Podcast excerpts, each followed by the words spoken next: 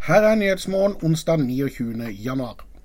Skattemyndighetene bekrefter tirsdag at de, som følge av høyesterettsdommen i den såkalte Tengsareid-saken, nå sender brev til de fleste norske travkusker, også stallmenn og amatører, med orientering om reglene som følge av dommen. De gir også mottakerne en sjanse til å endre sine omsetningsoppgaver tilbake til 2017. Flere kusker som mener de kun har fulgt INTs råd og veiledning, og har betalt INT for trekk av oppsittspengene, føler seg nå ført bak lyset. Trenerformann Espen Askjem bekrefter også at de vil få en juridisk vurdering av saken. Samtidig er det klart at DNT kan komme i heisen ved selv ikke ha tatt moms på sin trekktjeneste. Det kan koste organisasjonen et millionbeløp. Tirsdag kom nyheten om at den tidligere norskeide topphesten Repay Merci legger opp. Kretsen rundt hesten, som har tjent nesten fem millioner norske kroner, gir nå bort hingsten og betaler for en avlsvurdering av Alt mot at noen gir den sjansen i avlen og tar seg av den. Så Paris. Norske Rebella Matters fikk onsdag kjenne seierens sødme på Vincennes.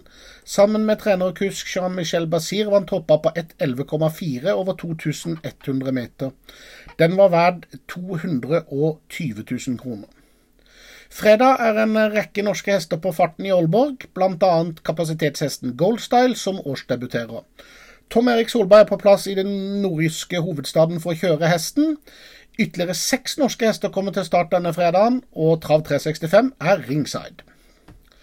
Fra tirsdagens kjøring på Forus tar vi med at 091-traveren Classic Chap var tilbake som en vinner.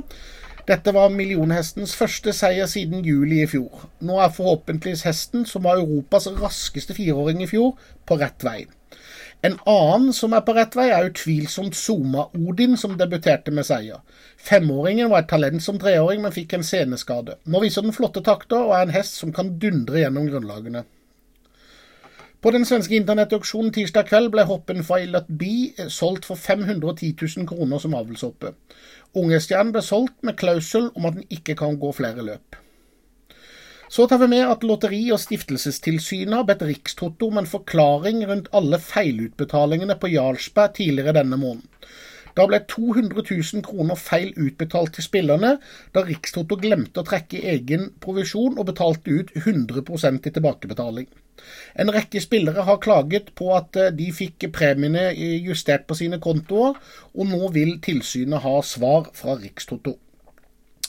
Dette var nyhetssammendraget. Takk for at du følger trav365.no.